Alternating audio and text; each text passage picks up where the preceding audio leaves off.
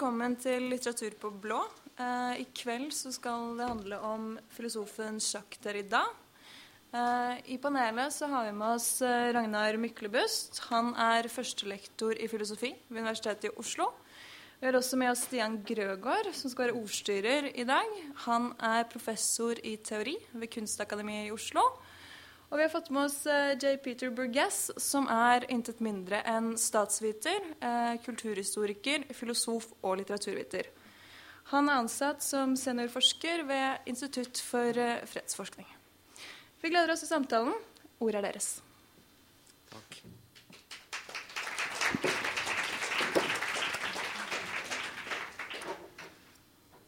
Vi kan begynne så forsiktig vi kan holdt jeg på å si, med hvordan vi skal nærme oss eh, dere i dag. Jeg forsto det på denne invitasjonen at det er ti år siden han døde i år. Altså han døde i 2004, og han var født i 1930.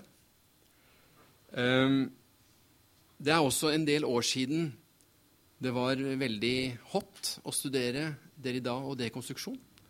Det vil jeg si er 20-25 år siden. Det har vært en del fransk teori i mellomtida og annen teori. Så Sånn sett er det interessant at dette foregår på blå nå. Og vi skal prøve å nøste opp noen tråder tilbake til Deridas forfatterskap. Um, det jeg har lyst til å spørre Ragnar Bråstad Myklebust om først, det er om vi kunne få et lite innsyn i lite overblikk over Deridas sentrale verk, hans kjente, mest kjente bøker. Kunne du gi en liten oversikt over det, Ragnar? Ja, ja, Du nevnte at han var født i 1930, og i Algerie eh, ble han født og gikk gymnaset der, men eh, kom til Paris for å kvalifisere seg til opptak eh, til École Normale Supérieure. Så på mange måter så eh, er det mulig å si at han tilhører École Normale Supérieure-kulturen Eh, på mange måter, og at det han eh, arbeidet med bl.a. Eh, på École Normal, preget forfatterskapet hans. Han ble tatt opp der i 52, skrev en master i 54 var det vel, om Hussel, problemet genese i Hussels filosofi. Begynte på doktor Eh, et doktorprosjekt som han aldri fullførte. Men eh, tittelen er interessant. Det er litterære objekts idealitet. Eh, vel en Hossel-klingende tittel. Det første han publiserte og fikk en pris for, var en veldig lang innledning til en veldig kort Hossel-tekst. Geometriens opprinnelse fikk han en pris for i 64 eller noe sånt. Så dette er før den kjente eh, da. 1959 til eh, 64 var han assistent ved Sorbonne eh, og vendte tilbake til École Normale, eh, hvor han var frem til 82. Og det er i denne perioden han skriver sine gjennombruddsverker. Det er jo 67 som er hans eh, gjennombruddsår på mange måter, hvor han utgir eh, tre bøker. Det er en bok om Hussel og tegnbegrepet. Stemmen og fenomenet. La voix eller fenomen. Det er da eh, om grammatologien, de la grammatologie. Eh, den tok han en eh, eksamen, eh, doktorat i troisième-sykkel, eh, på. og Tittelen, eller undertittelen, da han presenterte den for doktoratet, sier en del.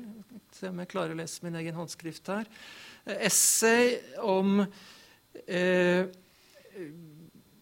vedvarenheten til platonske, aristoteliske og skolastiske begreper ved det skriftlige tegn. Eh, den tredje boka var en essaysamling, 'Le 'L'écriture et la différence', skriften og forskjell. Det er muligens den som ble Eh, mest lest, for her finner man da artikler om eh, Freud, om Bataille, eh, en artikkel på ca. 100 sider om Levinas. Vi kommer kanskje inn på Levinas eh, senere. Det er også med litterære artikler, f.eks. en eh, artikkel om teatermannen Antonin Artaud osv. Så, så, så dette var hans hva er det man sier, annus mirabilis, eh, 67, hvor han eh, ga ut eh, disse tre bøkene hvor da stemmen og fenomenet og grammatologien på ulik måte forholdt seg til denne diskusjonen rundt tegnet, skrift kontra stemme. Og det han kritiserer eh, bl.a. og prøver å lese eh, Saussures eh, altså denne kjente lingvisten og grunnleggeren av synkronlingvistikk, Fernande Saussures sier Cours de la linguistique générale, eh, det er for å se om det finnes da reminenser fra den metafysiske tegnoppfatningen også hos Saussure, altså at eh, man så å si har en nærhet mellom stemme og tenkning, slik at man eh, så å si kan høre seg selv tenke. At, at tenkningen ikke er avhengig av noe ytre. Eh, F.eks. en nedskriving, som jo vil være et viktig poeng eh, fra Derridas side. Ja, nå skal jeg ikke snakke veldig mye mer akkurat om dette. I denne perioden så er han også med i eh, gruppen rundt tidsskriftet eh, Tel Kell, eh, hvor vi også finner da Philippe Soler som eh, hva skal vi si, bandeleder, samt hans kone Julia Kristeva, som vel det ble litt klabb etter hvert. Så Derrida trakk seg fra Telkel. Utover 70-tallet så finner vi kanskje den mest eksperimenterende perioden i Derridas forfatterskap, hvor han skriver en stor bok om eh, Hegel, eh, Glad. Han skriver La carte postale, en bok om eh, kunstteori, La vérité en peinture.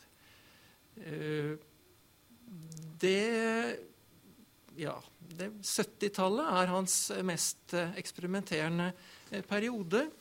Eh, han eh, vurderte senere om han skulle ta opp igjen eh, et doktorgradsprosjekt, men han går i ja, Er de 81? Hvis jeg blar i bunken her, så finner jeg det. Men han går opp til en doktorgrad eh, sur travaux, altså på utgitte arbeider.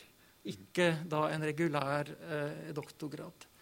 Eh, han har problemer eh, med det etablerte universitetssystem i, på, i Frankrike. Søker stillinger, eh, får dem ikke. Men i 1984 får han endelig en stilling ved École des Hautes hans en er sosial. Eh, på 80-tallet så jobber han mye med fagpolitikk i tilknytning til eh, filosofi. Det er en tjukk bok som samler hans eh, intervensjoner innenfor de fagpolitiske diskusjonene. Han deltar også i grunnleggelsen av et, en ny filosofiinstitusjon som heter Collège International de filosofi. 1983 var det, så den feiret da 30-årsjubileum, hvis jeg teller riktig, eh, i fjor, da. Eh, det som ellers skjer, er jo at dere da gradvis vier seg mer og mer mot etikk og politikk på slutten av 80-tallet. Hvor man har hans eh, Marx-bok, eh, 'Respect de Marx', Marx' spøkelser. Den er oversatt til norsk.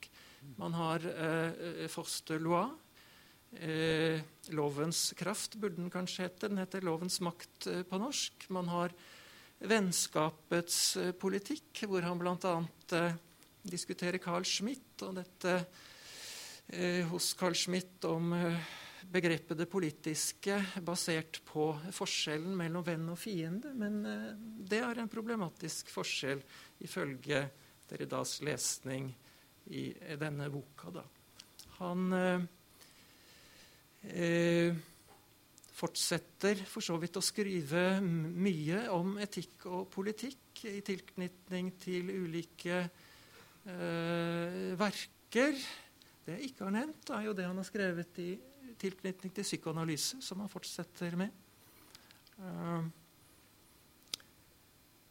ja Eh, vi talte ikke opp antallet verker eh, fra den listen. Eh, ja, det var der den havnet. Eh, men om jeg ikke tar feil, så vil det vel være en 40-50 titler på denne listen. Uh, hans uh, seneste tema på mange måter er jo forholdet mellom menneske og dyr. Det var opprinnelig noen forelesninger han holdt på mm, en konferanse eller et seminar viet ham ved Cerisy, som er et sånt konferansesenter. Eh, L'animal eh, eh, Donc je suis, eller noe sånt, hvor han skriver om begynner å skrive om forholdet mellom menneske og dyr. Og dette tar han også opp eh, i noen av sine siste forelesninger. Eh, Le bête et le souverain, eh, dyret og suverenen, som er blant de seminar- eh, eller forelesningsrekkene som er kommet ut postumt. da. Det er vel kommet ut uh, Le Bête eller Souverain. Det er kommet ut uh, Er det et om selvmordet, tro, som Unnskyld, ikke Nei, om dødsstraffen. Som er kommet ut. Det som også er saken Vi blir ikke kvitt Derrida-skrifter etter hans død fordi han skrev ned alle eh, seminarene han holdt fra 69 og, og utover. Mm. Og de er i ferd med å bli utgitt. Eh, så etter at man startet med de siste seminarene hans, så kom det vel i høst et seminar fra 64 om Heidegger og vernsbegrepet og historie, eller noe sånt. Eh, så det skulle være nok å ta av der. Det, um, ja.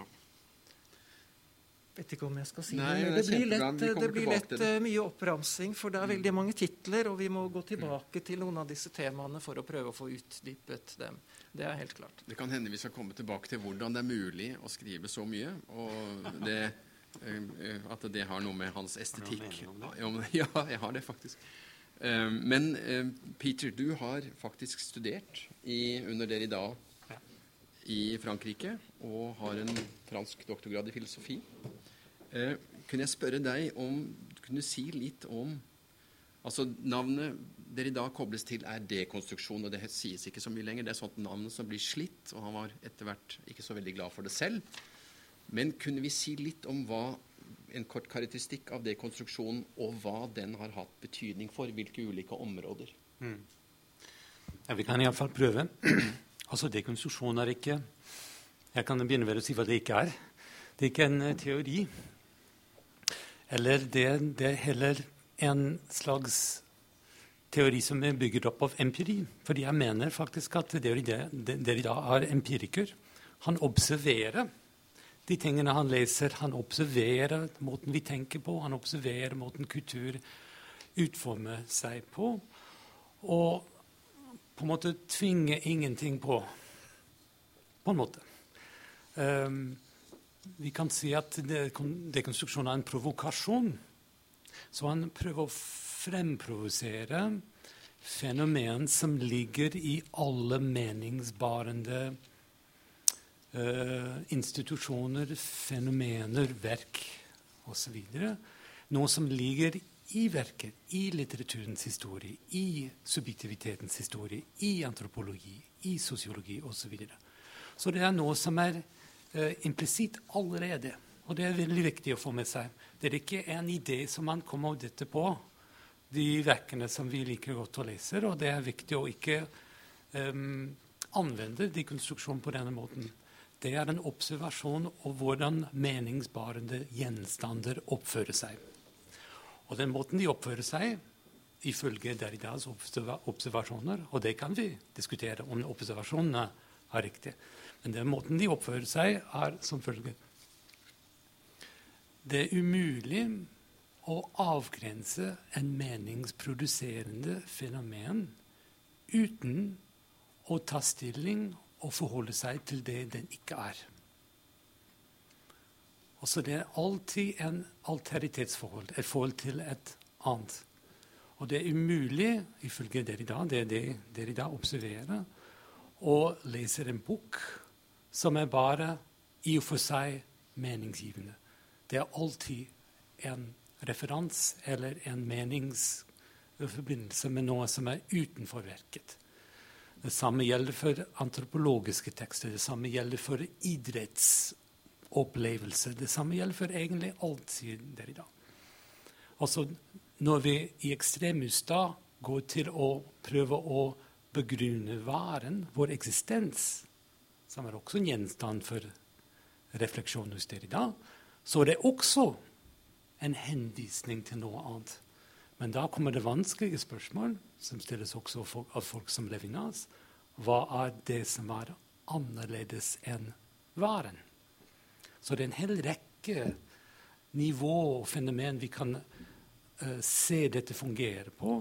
Det mest interessante for litteraturvitere er selvfølgelig et litterært verk som aldri, ifølge Derrida, igjen kan konstituere en mening, være meningsfull eller meningsbarende, uten å referere til noe annet. Så hvis vi, vil, hvis vi forstår litteraturvitenskap som en aktivitet der vi uh, fokuserer på å prøve å finne ut den egentlige mening, så er vi fortapt. Fordi den egentlige mening konstituerer seg, ifølge dere da, alltid i forhold til det som ikke er egentlig. Det som er, det som er utenfor, det som ikke er meningen, det som ikke hører til vekket. Så det er alltid en sånn motsetningsforhold som stilles opp i Derridas tekst. Og når det gjelder litteraturvitenskap, er det mest interessant å, å, se på dette. Når vi har en fortelling som ser ut til å mene noe, så kan vi se at det er betydningen som den delen av verket produserer, ikke er mulig uten noe annet. Uten noe utenfor. Slik at ideen om at mening, betydning, er helhetlig, innesperret, avspe, av Hva skal jeg si lykket, er umulig hvis det er i Uh, idehistorisk, så en, en, annen, hvis jeg kan Kom igjen. Um, idehistorisk i forhold til litteraturvitenskap som institusjon har det en veldig viktig og interessant kontekst som er bakgrunnen til det jeg nettopp sa. Og det har to sider. På, på den franske side, altså Frankrike på 60-tallet, Ragnar var litt innom det, er, det en, er idéverden eh, dominert av strukturalismen. Så en viss retning som preger alle de samfunnsvitenskapene og, og humanvitenskapene også. I USA har en slags kulturkrig som faktisk gjenreiser seg på 90-tallet, men det er en annen sak. En kulturkrig der de konservative sier nå må vi tilbake til de meningsfulle verket som har gitt grunnlag for den amerikanske kultur osv. Dere har hørt historien. Det, det, det gjenoppstår i veldig uventede steder rundt omkring i verden. Så da dere da begynte å kritisere strukturalismen i Frankrike, så var det veldig, unnskyld, veldig vanskelig for ham, som Ragnar fortalte og da fant han, fant han, venner i USA som var ivrige på, som var sultne på å få et vektøykasse for å kunne uh, kritisere den kultur, kulturalismen. Og det er derfor innenfor litteraturvitenskap i USA ble han veldig veldig kjent på 60-tallet og 70-tallet. Mellom, han var Og samtidig var han helt ukjent og hadde veldig store problemer institusjonelt i Frankrike. Så han bygget opp en karriere i USA som ikke var mulig innenfor litteraturvitenskap, som ikke var mulig innenfor filosofi i, i USA. Så det var en slags bevegelse som vi ser kanskje hos Proust, som ble ekspertert til Storbritannia før han ble populær i Frankrike. Eller Herman Hesse, som ble eksportert til USA før han ble populær i Tyskland. Eller James Joyce, som aldri var populær i Irland før mye senere. Det var en slags eksport-import-bevegelse for Derrida også. Og han kom tilbake på 80-tallet. Ja, han kom tilbake hvert år, selvfølgelig, men han kom tilbake, og da fikk den doktorat d'etat og kunne da etablere seg litt sterkere um, i Frankrike etter å ha, å ha eh, etablert en sterk teoretisk retning innenfor litteraturvitenskap. Vi må vel si det har jo vært Hvis filosofi noen gang skal nærme seg eh, populærkultur når det, gjelder, når det gjelder effekt, så er det jo det er snakk om sant, Sartre og sånne ting tidligere. Men Derrida, gjennom den gjennomslaget i USA, så har han jo blitt et, et slags populærkulturelt fenomen i en viss forstand. Mm. Og det er vel riktig å si at uh, i Norge så kommer Derrida uh, via den amerikanske resepsjonen. Mm. Og jeg kan huske at uh, grammatologien den kom i engelsk oversettelse, oversatt av Gayatri Spivak. Indisk høykasteintellektuell. Mm. glimrende oversatt. Uh, og en, en, av hans kanskje mest betydningsfulle bøker, da, en av de tre bøkene fra 67. Men kunne vi si litt om de ulike områdene, som, hvordan dekonstruksjonen har, har hatt betydning for litteraturvitenskapen, det såkalte Yale-miljøet, eh, med Harold Bloom og Hillis Miller og uh, Duman uh, og flere. Men det er jo også andre områder som står i stor som på en måte er satt i gang av populariteten til dekonstruksjonen. Mm -hmm. Kunne du si litt om noen områder? Ta noen eksempler. Ja, også Vi kan eh, begynne med Spivak selv. Mm. fordi da Postcolonial Studies, som er også veldig viktig for litteraturvitenskap i Norge, uh, får sin inspirasjon fra Derrida, gender theory, queer theory, um, de, de, tverrfaglige tilnærmingene til litteratur. Uh, alle får sin drivstoff, drivkraft, fra en eller annen form for dekonstruksjon slik det ble praktisert i USA. Og hvorfor det? Fordi jo, det var gang altså Derridas tilnærming var, som jeg sa nå før, at når vi prøver å finne de essensielle, det, det essensen i et verk, så oppdager vi at det er faktisk et annet sted. Når vi prøver å finne det essensen i kulturen, så finner vi ut at det har egentlig uh, et forhold til andre kulturer eller andre kjønn eller andre sosialmiljø. Altså alle de fagene som nå går, har blitt veldig tverrfaglige. Og i litteraturvitenskap kan vi studere religion og teknisk vitenskap og sosiologi i forhold til litteratur. Det er takket være dere i dag at dette var mulig. Det er alteriteten, at det andre er til stede. Uh, uansett hvilket til stede vi snakker om, så er det alltid et annet det andre som er til stede. Og det er grunnlag for uh, mange av de faglige inndelingene i, i dag. Ja, nå, nå, er Peter inne på det som uh, sikkert mange kjenner til, som uh, er blitt kalt for, for, French theory i USA. og nå kan vel ikke Derrida alene gis æren for, for, for det, men, men, men, det er jo da disse retningene gender studies, f.eks. postcolonial studies. Eh, man har alle disse litteraturkoblingene, da. Mm. Literature and uh, medicine, literature and law. Du har critical legal studies, som dere da vel skrev uh, Forstulloa i tilknytning til, osv. Så sånn at i USA på 70 70- og 80-tallet så var det en mer fruktbar eh, et mer fruktbart grunnlag for resepsjon av de franske eh, teoriene. Ikke bare Derrida, men, men eh, Foucault, Baudrillard, Deleuze, Guattari mm. osv. Det er jo for øvrig blitt sagt at de tenderte mot å gjøre de ulike teoretikerne litt mer like hverandre enn det de egentlig var, eller det de ble oppfattet som i Frankrike, da. Men, men, men det er nå så. Og det som, på, det som, er litt pussig, det er jo da Du var jo inne på det i forbindelse med dere i dag, at uh, disse ulike studies uh, er jo da senere blitt uh, traktet tilbake til Frankrike, hvor man ikke har hatt gender studies så lenge man har måttet få det fra, fra USA. Og det siste feltet som dere da er aktuell innenfor, det er jo animal studies. Så Jeg så nå at det skal komme en bok i USA med French animal Studies. Og det er det siste bidraget til French Theory. Og i, i, Frankrike så har de gitt denne tilbakevendingen den litt sånn ironiske tittelen eh, 'American Philo'. er det de kaller det. da. Så, eh, sånn, er, sånn er det. Men det er jo bare en fordel at det blir kommunikasjon på eh, tvers av Atlanteren begge veier, selvsagt.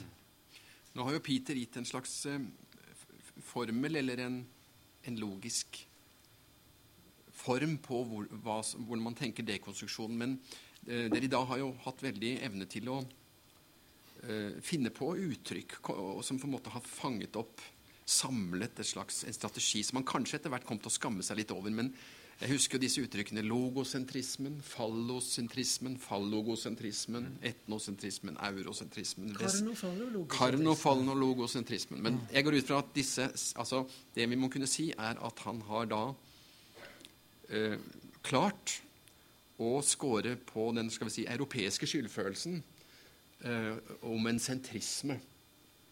Og dette ligger jo også bak Edvard Saids orientalismen, ja. som er en kjempediger misforståelse, for det er jo oksidensialismen som er den store mytologien, selvfølgelig. Men sant, det er kritikken av Vesten for å være selvopptatt og for å lage en figur, en sentristisk figur, den selv ikke avslører, men som er synlig utenfor, som du sa, i din, den formen du beskrev. At det fins ikke noe i mening, det er alltid til noe annet. Men, men hvis jeg kan avbryte Dere da har jo aldri kritisert Vesten for å være selvopptatt. Uh, har han det, da? Uh, Sentristisk har han vel beskrevet Men det ligger i begrepene. Ja. ja. Mm -hmm. men, det, men, det, må man iallfall kunne si, at eh, sånn er da åndslivet i Vesten. at dette ble, altså Det hadde jo ikke vært nok om man var helt enig med han i India. Mm. Men man var helt enig med han på er, er, universiteter i USA og i Europa. Mm. Og det er ganske interessant at han klarte å komme seg inn som en som var utenfor, fra Algerie. Som kanskje også til og med begynner, som du nevnte i stad, Ragnar, med og skriver da om eh, ting som ikke er så veldig kule i Europa. Begynner liksom litt provinsielt. Og kanskje noe av den det kan vi komme tilbake til senere, algirske bakgrunnen hans også bryter igjennom etter hvert i forfatterskapet. Ja, ja. tidligere. Kan du si litt om det? Ja, han er, eh, ja, Ragnar har vært gjennom uh, biografien. Mm. Men uh, han var en outsider fra, fra begynnelse. Mm. Og det, det, er sikkert preget uh, det hans måte å se på filosofi som en oppgave på at, uh, at rasjonalitet, det rasjonale kjernet i hva som helst, kan bare forstås utenfra. Og hvis vi selvfølgelig er utenfor, kan vi ikke forstå det. Så den, den type paradoks er en del av hans Derridas tilværelse, men også den måten han tilnærmer seg menneskebarende um, fenomen. At vi må være utenfor for å se på tingen foran øynene våre. Men samtidig, for hvis vi er utenfor, så kan ikke vi forstå den intimt, sånn som i sin, sin kjerne. Kan vi si litt om Derridas måte å tenke på? Hans måte å skrive eller være filosof på. Det var en ehm, Det skulle jo ikke sjokkere oss, men det var en filosof, en norsk filosof som sa at han begynner å tenke når han begynner å skrive. Og Hvem sa det? Det var Arild Utaker, som er en god norsk filosof, som ja. sa det. Så tenkte jeg ja, man må kanskje ha et oppdrag også, til og med. En slags ytre anledning. Men i Deridas tilfelle så slår det meg at han er en filosof som begynner å tenke av å lese. Og kunne vi si noe om Det gjelder jo nesten alle hans arbeider at de er generert av et møte med en tekst så det er nesten noe sånn teologisk i hans tekstavhengighet. Um, um, ja, hvis, hvis, jeg kan si noe eh, om, om det, så, ja. så, er det kommet en, en, interessant bok for et par år siden som heter 'The Young Derrida and French Philosophy 1945 to 1968', som, som, som, er opptatt av uh, forholdet mellom Derrida og de franske filosofiinstitusjonene, og da først og fremst den eksamen som man kaller for aggregation, som er en høyt hengende eksamen. Og det som var det som var eh, Derridas jobb eh, ved École Normale Superieur, det var å være såkalt eh, jeg tror tittelen er 'agrégé repetiteur', å forberede da studentene på eh, aggregation, som dreide seg om da på relativt eh, kort tid eh, lage forelesninger på basis av oppgitt tema. Jeg tok og sjekket det for moro skyld før i dag her. Og noen av disse prøvene Man fikk fem timer på å forberede en forelesning som skulle vare i, i 50 minutter. Og kunne da bruke bibliotek osv. Slik at eh, noe av, eh, noe av eh, bakgrunnen for Derridas fokus på tekstlesning, det er rett og slett det at han da Det var hans jobb å lære studentene å forstå, gripe poengene i tekstene og passere denne eksamen, som egentlig forholdsvis få besto Er det under 10% av de som gikk opp til denne prøven hvert år, som, som, som klarte Mm, seg? Så, så det var en, en tøff prøve. Eh, men det du er inne på, altså hans eh, betoning av, av andetheten og sånn eh, Det fremkommer også i denne boka at han ble gradvis mer og mer frustrert og irritert over eh, selve denne prøven og den måten den foregikk på. Så eh, det er vel også hans, noe av bakgrunnen for hans filosofikritiske Eller altså hans kritikk av filosofiinstitusjonene på, på 80-tallet. Og kanskje også eh, noe som gjorde han ikke gjorde han noe særlig mer eh, populær da. Eh, så, så det teologiske eh, det tror jeg kanskje man ikke skal overdrive. Det er blitt eh, hevdet at ok, han er jøde, og jødene har et mystisk forhold til, til teksten. Man har Toraen som de leser, osv. Men eh, kanskje fins det en materialistisk, eh, hva skal vi si, institusjonsrelatert bakgrunn. eh, I like stor grad som en eller annen mystisk forklaring på fokuset på, på teksten. Det er jo ikke noe mystisk at en teolog leser en tekst. Så jeg, så jeg tenkte meg ikke et mystisk svar på det, men det er mer bare at han er en særdeles tekstavhengig tenker. F.eks. For i forhold til Duløs, som det er naturlig å sammenligne han med. Og det slår meg da at det er en skriftorientering. Og eh, hvis du ser noe som, skal vi si da, som går på framstillingsformen til dere i dag det er jo at han kan begynne i en fotnote et sted og brette ut en hel tekst nærmest gjennom en fotnote og gjennom problemer i Han finner en fotnote i 'Væren og tid' av Heidegger f.eks. Og det er en, en holdning til tekst som er interessant. Og det er en holdning til filosofisk produksjon, til tenkning, som også er veldig interessant. Og, så det er mer bare for å finne et slags særpreg ved ham, som, hvor han er på en måte på motsatt side av det synet på filosofi. At filosofi, det er sånn som skjer her, det.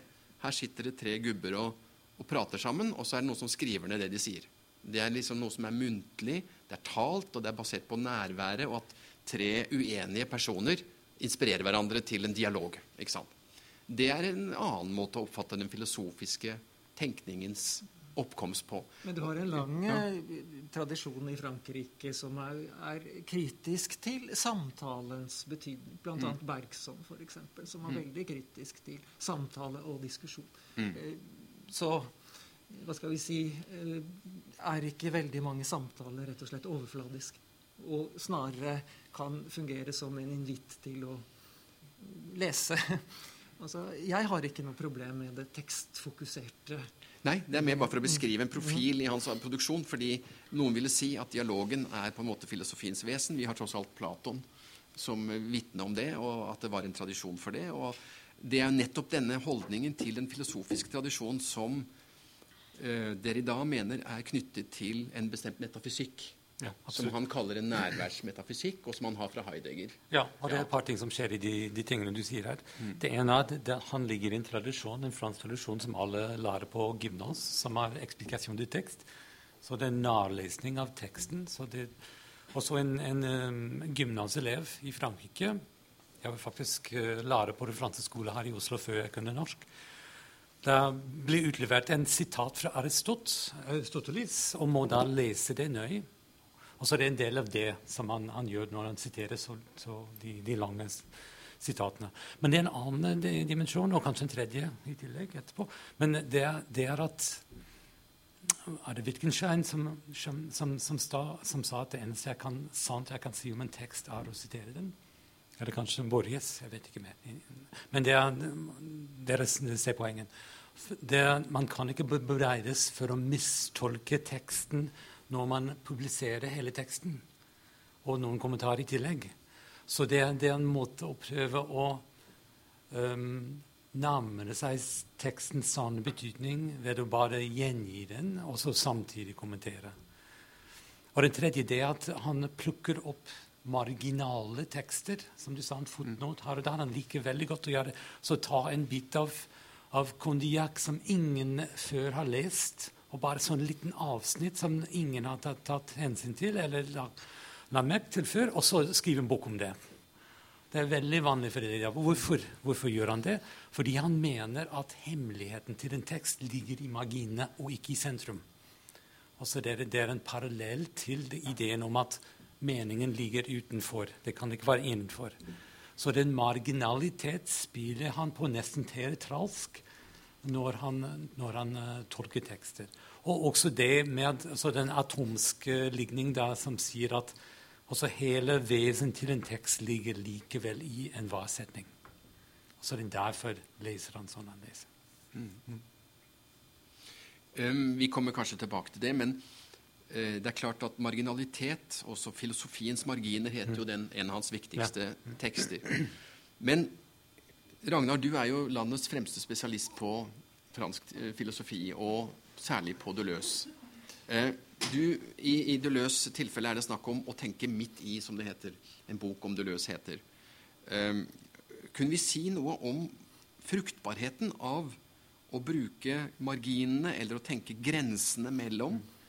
Eller det å bare så si det som interesserer, ligger midt i. Vil du, kunne du si noe om det? Altså om, det, om Derridas metode?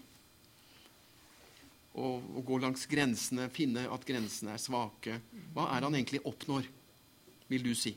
Nei, altså dette, Du reiser jo mange, mange temaer på en gang her nå, bl.a. forholdet mellom Deleuze og Derrida. Mm. Eh, det er mye man kunne si om det. Men i motsetning da, i en viss forstand til Derrida, så fulgte jo Deleuze den akademiske veien eh, med altså de to store doktorgradene og stillinger utenfor Paris, og så til slutt i Paris osv. Så, videre. så eh, så, så, det løs kvalifiserte seg den akademiske veien før han da begynte å skrive verker mer for sin egen del. Eh, så det er nå det. Så var det ja, var det i 73 eller noe sånt. Det var et stort Nietzsche-seminar. Eh, på, på Det var vel på serie 7? 72. Eh, var det 72? Mm. Ok. Mm.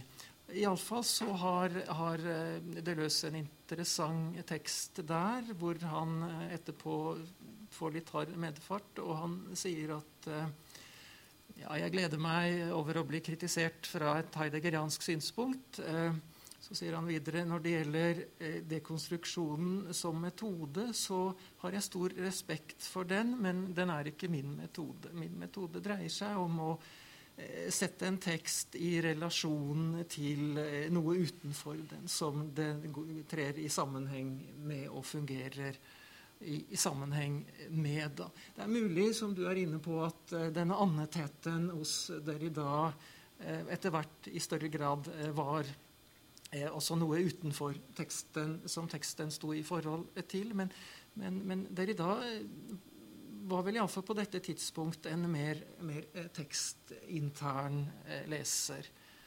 Og eh, det som er et viktig aspekt ved den såkalte dekonstruksjonen, var du jo inne på, da, at man leter etter eh, hierarkier i den filosofiske tekst eh, som, eh, hvor filos den filosofiske tradisjon har privilegert f.eks. Eh, eh, eh, lyd, stemme, og nedprioritert eh, skrift. Og det første trinnet er å finne disse eh, hierarkiseringene, disse parforholdet. Det eh, neste trinnet er da å prøve å reversere til en viss grad dette hierarkiet. Og det kan man også gjøre, og det er det tredje trinnet, ved å eh, føre inn eller eventuelt finne i teksten uavgjørbare eh, termer. F.eks.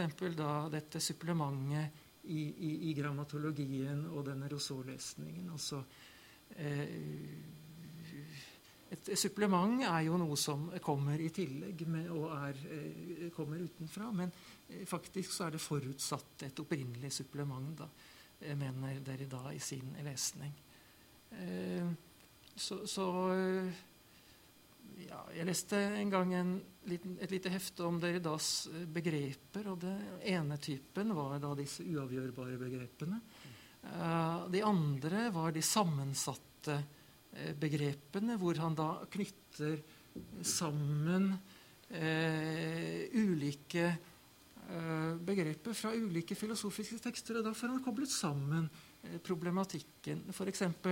Fort da fra, fra Freuds lille Hans Eh, analyse, og så er det Dasein fra Heidegger. Så får du fort Dasein. Så det er en, en, en, en, en eh, ytterligere type begrepsbruk eh, da, med disse sammensatte begrepene. Så har han jo også der hvor han har begreper som er svært lydlike hverandre, og, og spiller på, på, på, på lydlikheter.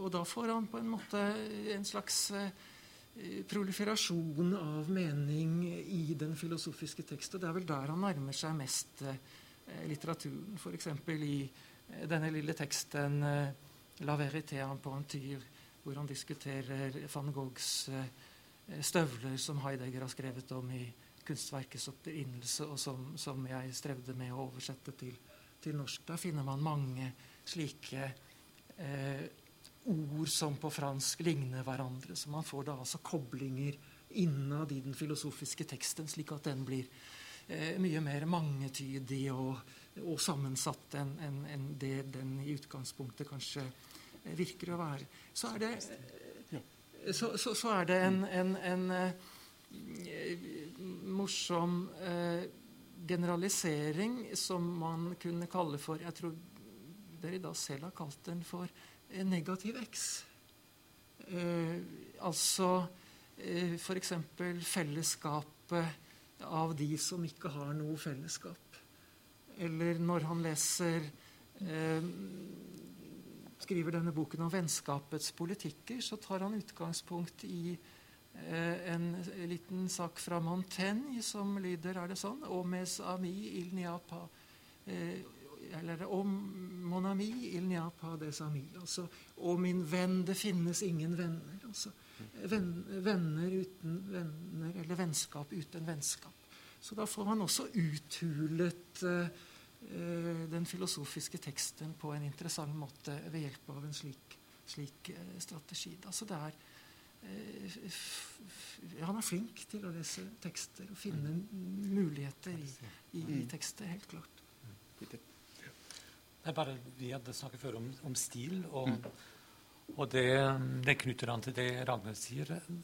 Altså alle har, eller De aller fleste her har lest Derrida har spurt seg hvorfor skriver han sånn som han skriver.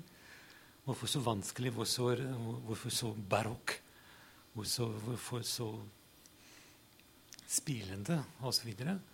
Og det er virkelig et strategisk og rasjonelt og egentlig veldig taktisk svar på dette spørsmålet. Og det at han, han, prøver å iverksette det han mener. Han prøver å gjøre det han sier. Altså Hvis meningen er utenfor en tekst, eller delvis utenfor en tekst, så prøver han, prøver han mens han skriver, å skrive seg utenfor teksten mens han skriver innenfor, innenfor teksten. Og så referere til andre ting gjennom lyd, likheter og osv. Gjennom bilder, altså de, språkbilder osv. Og, og, skrive og, og iverksette, eller iscenesette, er det bedre sagt, det han egentlig mener om hvordan betydning produseres. Så han prøver å være ganske konsekvent. Det, det er nesten en etisk uh, stilling han, han, inntar når han skriver så vanskelig som vi alle mener han gjør. Det er for å vise konsekvensen av det han prøver å si. Jeg vil gjerne ta litt tak i det med stil, fordi jeg må innrømme at det etter hvert ble en påkjenning i å lese jeg, altså dag, Fordi jeg reagerer på stilen hans slik den blir etter disse første bøkene. Um, og det er ikke noe sånn det, det, det, er, ikke helt alvorlig ment, det jeg sier nå. Men det er, det er, noe som heter asiatisk stil og en klassisk stil i retorikken. Og den klassiske stilen er metaforfattig, setningene er greie, det kan være tungt stoff. Vi kunne si at det er enkelt, relativt enkelt skrevet om vanskelige ting. Det er idealet for alle retorikere i eh, Rom f.eks. å skrive en klassisk stil. Det er Wittgenstein. Ja, nettopp. Altså det å skrive hva skal vi si, enkelt og uforståelig kunne kunne si er eh, en okay. stor, stor, filosofisk dyd. Men, det, men, da har vi to Men jeg skal ikke si så mye om det. Men det vi har motsatt denne klassiske stilen, har vi en asiatisk stil. Mm. Og Den asiatiske stilen er ornamentell, full av metaforer, eh, ordrik, eh, bruker mange former, eh, som da blir regnet som en barbarisk, ennå ikke foredlet stil. Og det en kan si, da, er at noe filosofi som har da den klassiske preget at det, det er ikke lett å lese, men den er relativt forsiktig med virkemidlene. Det som derimot preger Derrida veldig ofte, er ordrikdom og en veldig myk eller veldig bevegelig overflate i teksten. Veldig mye gjentagelser og mye svinger. Um, og en kan av og til tenke, for Jeg nevnte det innledningsvis, jeg skulle forklare hvorfor han skriver så mye. Det er for at han faktisk ikke stryker noen ting. Uh, og hvis Alle som har fått PC, skjønner jo at det går an å skrive ganske langt. Og hvis du da ikke stryker, så blir det fort noen bøker. Iallfall noen hundre sider. Uh, det er en form hos han. Og denne formen er også hans store styrke som forfatter. Og han fikk jo um, alltid beskjed om at han, at han skrev så skjønnlitterært. Men det vi skal si da, i en filosofisk en slags litt eh, moral, en, filosofisk moral, det er at han tillater seg en nesten berøringsengstelig form, uh, uh, uh, hvor han hele tida vender, så å si, fra lesningen vender tilbake til lesningen og vender vekk. Det er noe kokett over Derridas skriveform. Mm. Og det er rett og slett en, en, slags mangel på fysikk i hans svinsen omkring. Og eh, det ser en veldig lett når en ser hva han skriver. F.eks. For forordet til en bok om Hegel av en Katrin Malabo, som er en veldig edru bok om Hegel. Det er ikke verst. altså det er en, Dette er en forfatter som da ikke blir full av å lese Hegel. Så skriver da Derrida en utrolig presiøs, kokett introduksjon som på en måte bidrar til en, å legge støv over. Og så kan du si det trenger vi. Eller det trenger vi ikke. Men er, her må man velge. Det er en bestemt altså dikterisk eller oppfatning av filosofisk framstilling som nok mange har irritert seg over i underkjennelsen av Deridas tenkning. Men det er forståelig ut fra en, en veldig stilbevissthet og sånn. Um, og jeg må innrømme at jeg noen ganger irriterer meg litt over hvor vanskelig det er å spidde han på bestemte oppfatninger. Um, få han så å si inn i en mening. Fordi han er alltid på vei rundt mm. til et annet sted. Det skyldes delvis, for å ta Derrida i forsvar mm. Det skyldes delvis at han avslår enhver Nei, ikke enhver, men uh, han avslår motsetningen mellom litteratur og filosofi på mange måter. Han anser begge, begge deler som meningsgenererende funksjoner, og som på det vesentlige ikke kan skilles fra hverandre. egentlig. Det ene er ikke mer sannhetsbærende eller sannhetsproduserende enn det andre. Og av og til, kanskje til og med ofte, er det de de ornamentale som produserer mening gjennom de tårene som drives frem i våre, i våre øyne, som de nøkternt uh, edru uh, filosofiske tekstene. Mm. Han, han, begynte ikke å skrive seminarene sine på datamaskin før i 2080. Mm. Så du må lese de uh, tidligere seminarene. Så det tok tid å finne delete? du da, i så fall, Stian. Så, Og- men- så han skrev kart på stall før han fikk datamaskin. Eh, ja, han Det eh, er godt gjort, altså. det, det, dette står om seminaren hans, men jeg går ut fra at det gjelder hans bruk av datamaskin generelt. At i, Mm. i 87 så, eh, så begynte han å skrive På Mac. seminarene på Nei, det står bare ordinatør. Det står ikke hvilket merke det er. Bennington sier det er Mac. Det var Mac, ja. Ja. Akkurat, akkurat. Men, men jeg må jo egentlig si at jeg oppfatter ikke de senere Derrida-tekstene som, som veldig kokette eller snirklete. Mm. Eh, egentlig, jeg da. Altså, eh, det må jeg si. Altså den eh, denne 70-tallsperioden med de eksperimenterende tekstene, jo, jo eh, Da kjører han for fullt. Men, men, men, men jeg opplever han nok som, som eh, mer saksorientert og, og relativt klar i disse senere tekstene hvor han er opptatt av, av etikk og, og politikk. Og, og sånn. det, det må jeg nok si. Det er derfor vi sitter her, for at vi ikke er enige. Og, um, så det gjør meg ingenting. Nei, um, jeg mener faktisk at han har denne formen helt fram til det siste. Um, Det er nevnt hva han har hatt innflytelse på. Det er nesten ikke mulig å få oversikt over betydningen hans. Selv om det her, han deler æren med mye annen fransk tenkning, selvfølgelig. Men um, han har bl.a. hatt betydning for det en kunne kalle en slags vending mot religionsfilosofi, eller religion, på 90-tallet. Så det er ikke bare altså queer studies og feminisme og eh, cultural studies og eh, postcolonial studies, men også faktisk eh, mot religionsfilosofi. Og han har hatt ledet seminarer sammen med Gianni Vattimo og fått ut en helt ny interesse for eh, for religion, som da har ført til en hel litteratur bl.a. om Paulus, hos andre tenkere senere, bl.a. Badiou og Chichek, som jo er en helt annen type tenkere.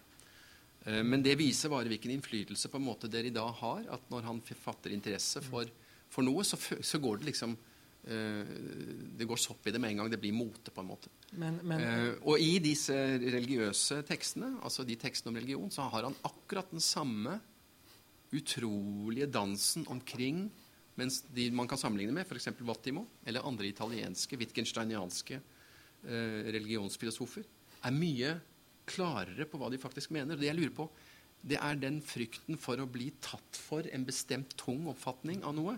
Eh, så jeg tenker at det er en slags taktisk, altså som også er blitt et poetisk prinsipp hos dere i dag. Men- og det er ikke noen kritikk, det er mer bare sånn, det er slags for så vidt et uttrykk på beundring. Du tenker, du tenker på den eh, teksten som heter 'Foi et savoir', som er det innlegget fra den konferansen Mm, blant annet mm, mm. Og den er jo relativt kompleks. Det er jo. Eh, Det er jo der han eh, lanserer eh, dette begrepet om autoimmunitet, som jo blir sentralt for ham senere. Altså eh, immunitet Reagering på det som er annet, ikke sant? Autoimmuniteten. Da oppfatter man seg selv som noe annet. Og eh, han har en del interessante refleksjoner i forlengelsen av bruken av denne immunologiske eh, terminologien. Det er jo bl.a. Eh, den han bruker når han diskuterer den eh, 11. september i en bok der det også er innlegg av Habermas, om jeg ikke husker feil. da. Mm, Så, så da, da er han jo relativt konkret. Men når det gjelder forholdet til religion, så, så, så påstås det i denne boken om The Young Derrida at han var eh, en slags kristen eksistensialist eh, før han eh, ble preget av miljøet ved å komme med malsupperør og, og begynte å lese Hossel. Mm. eh, og skrive om s- Og det er kanskje dette som har vendt tilbake i, i hans eh, modne periode. Da.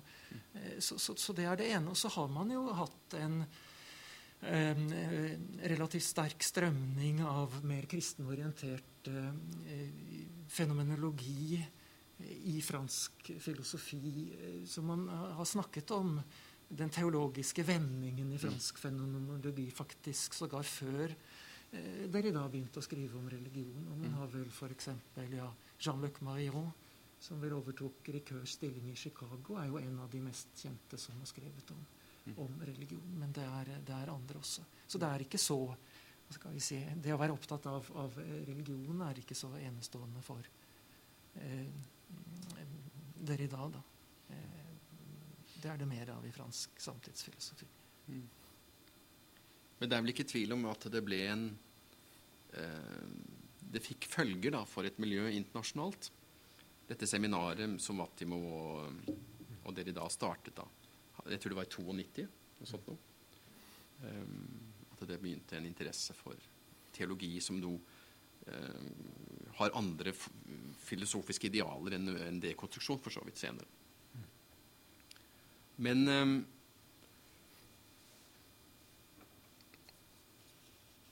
Ja Du nevnte det, eh, Ragnar, at han er Han på 90-tallet um, gikk over til Eller på slutten av 80-tallet etiske og politiske tekster. Kunne vi si noe om dere i dag som politiker, som politisk tenker?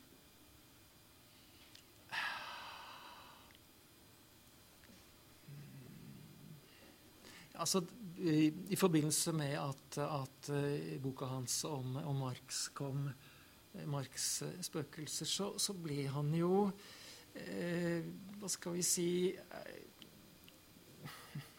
Kritisert for Ja, hvorfor kommer du med dette så vidt sent? Altså, han, han ja,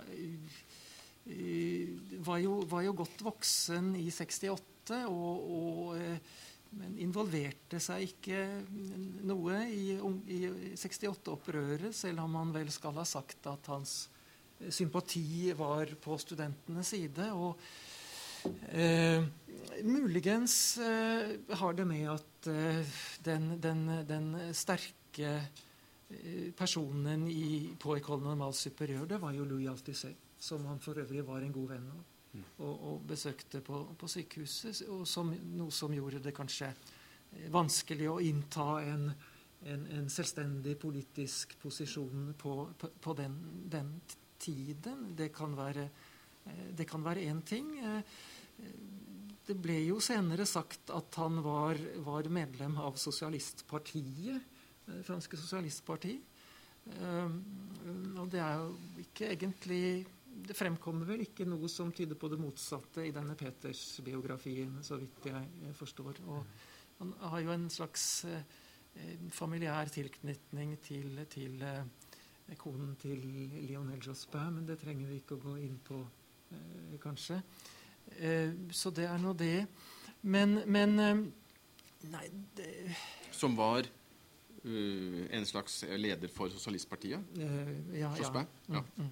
Men, men øh, den er vel mer filosofisk interessant likevel, denne Marx-boken, enn politisk eh, interessant. Han snakker for så vidt om en, en ny internasjonale. Eh, og det er vel tydelig at det er, er eh, nyliberalismen som han tar til orde mot. da og en slags ny internasjonale som skal være en slags solidaritetsbevegelse mellom, mellom, mellom rike uh, Unnskyld, mellom de fattige og undertrykte i ulike uh, deler av verden. Han, han uh, forsøker seg vel også med en slags kritisk avgrensning fra den tradisjonelle marxisme og sier at det skal være en bevegelse uten parti. Uh, F.eks. at partibegrepet innen kommunismen ikke har vært noe særlig vellykket. Han har en interessant lesning av, av uh, Max Stirner, som jo var en av uh, Marx' pryggelknaber i den tyske ideologien. Så det er en slags rehabilitering av Stirner som han gjennomfører i denne, denne boka. Og han har jo også en, en utfoldelse av, av, dette med immunitet, autoimmunitet. Altså dette å ta imot den andre, det er jo det det hva skal man si, det levinassiske aspektet som kommer inn eh, for fullt i denne sceneperioden, både i politikk og etikk. Og gjestfrihet, hospitalitet, er jo et av de temaene han har seminar om i denne perioden. Så det er jo å ta imot den andre da, eh, det dreier seg om. Det kan høres litt sånn karikert og enkelt ut når man sier noe sånt. men Eh, om ikke jeg husker feil, så, så, så var han vel også eh, involvert i et slags prosjekt om eh, at byer skulle være slags eh, gjestfrihetsbyer. Stemmer ikke det? da, At det var et slikt eh, prosjekt eh, han var involvert i? så... men litt, litt, litt vagt Mm. og generelt. Men det er jo kanskje typisk for store filosofer at uh, Mm. de kan, kan være litt uh, Eller det er en, det er en, det er en stor kontraforbilde, som er Sartre. Mm. Som kom Som sa veldig mange dumme ting. Som viste seg å være dumme ting etterpå, egentlig. Mm. Jeg tror at uh, mange filosofer, også dere der, var preget av det.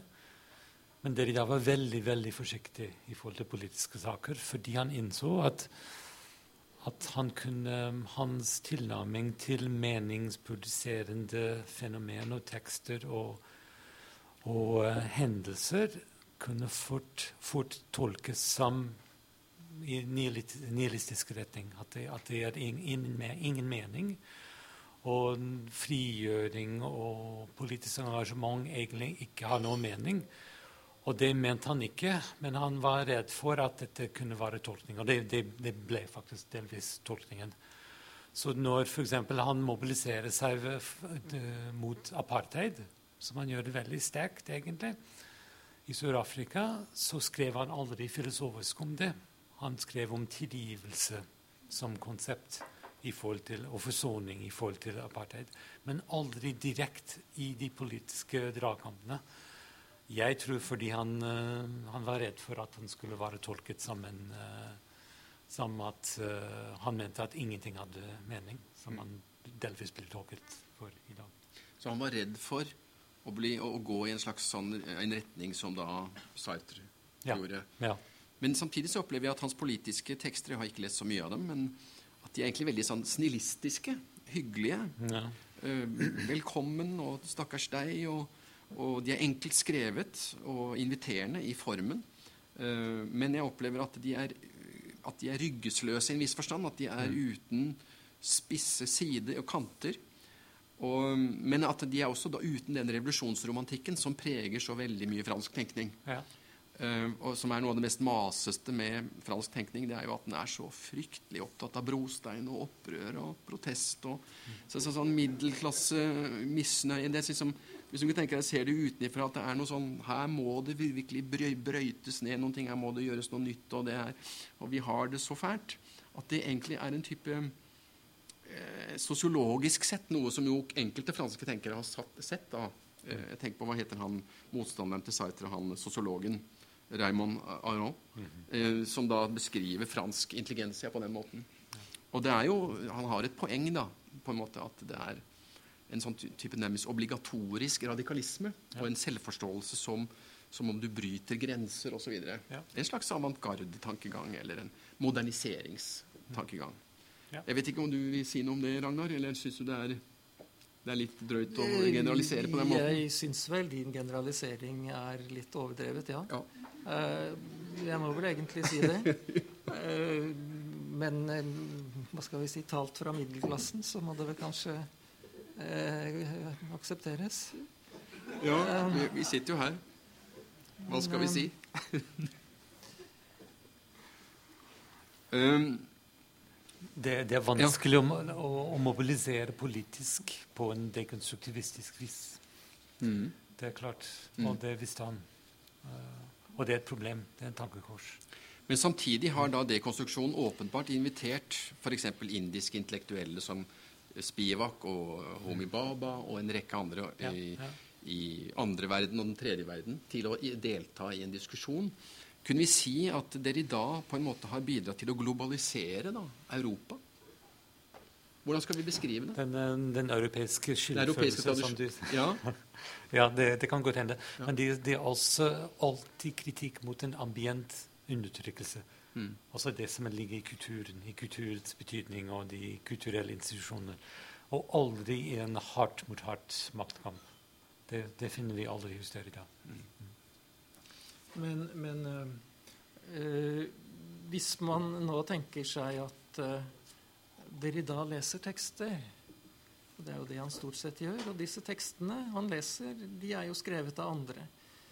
Eh, så innebærer jo det at, at, at eh, den deridanske politikk må i en viss forstand være hva skal vi si, passiv og avventende og forholde seg til eh, noe som, som, som skjer eh, og iverksettes av andre. Så, Mm. så det er nok snarere eh, problemet. Hvordan dere da hadde, hadde, hadde, oppført seg hvis det hadde blitt revolusjon i Frankrike f.eks. Det vet man jo ikke. ikke sant? Mm. Så, så, så, det ligger kanskje ikke noe a priorisk eh, At han er ok, en forsiktig mann. Kanskje han delvis eh, ble en forsiktig mann etter hvert. Men, men, det er ikke sikkert hvordan han ville tatt stilling til eh, noe som eh, inntraff. da, eh, Noe som, som, som, kunne komme, men at han ikke kunne være den som var aktiv for å bringe dette i stand. Mm. Eh, det tror jeg nok man, man, må si. Så der er jo litt av begrensningen mm. ved det å altså forholde seg til tekster eller forholde seg til det som andre, andre gjør, eh, rett og slett.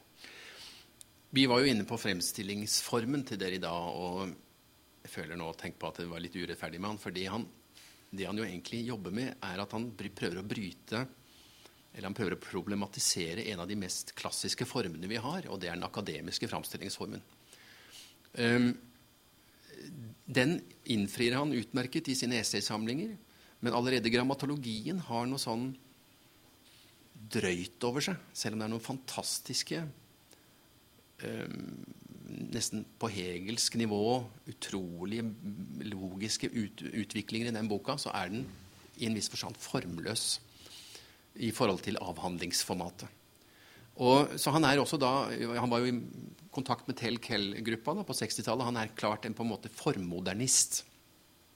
Og det, man, det, kan man være som romanforfatter, men det er ikke så lett å være som akademisk filosof. Og det vi så da, det er hvilke problemer han hadde for å bli godtatt i akademia rundt forbi. Det, gjaldt, det var protester i USA og i England. Det var verst av alt så å si mulig å få gitt han æresprofessorat eller gjesteprofessorater. Men også i Tyskland eh, så var det da beskyldningen om at han var uvitenskapelig, eller at det var bløff. Det er jo alltid det grepet som brukes da mot folk som er litt annerledes, at de er uvitenskapelige. Eh, det er ikke godt nok. Det er, eh, så det er ikke slik at man har ulike posisjoner i synet på filosofi, men det er noen posisjoner som mener at alle andre posisjoner er rett og slett ufilosofiske eller uvitenskapelige. Og det opplevde jo da dere da eh, nokså raskt, at det han utsatte den akademiske formen for, det var fordrøyt i mange miljøer. Jeg har sett en kritikk som kommer fra Tyskland, og som er anstendig. Um, og den kommer nok fra Albrecht Welmer, og jeg har lest den hos Kristoff Menke i en bok som heter 'De suverenitet der Kunst', altså kunstens suverenitet. Og der den, Det er flere ting som sies der, men ett poeng som jeg syns er treffende.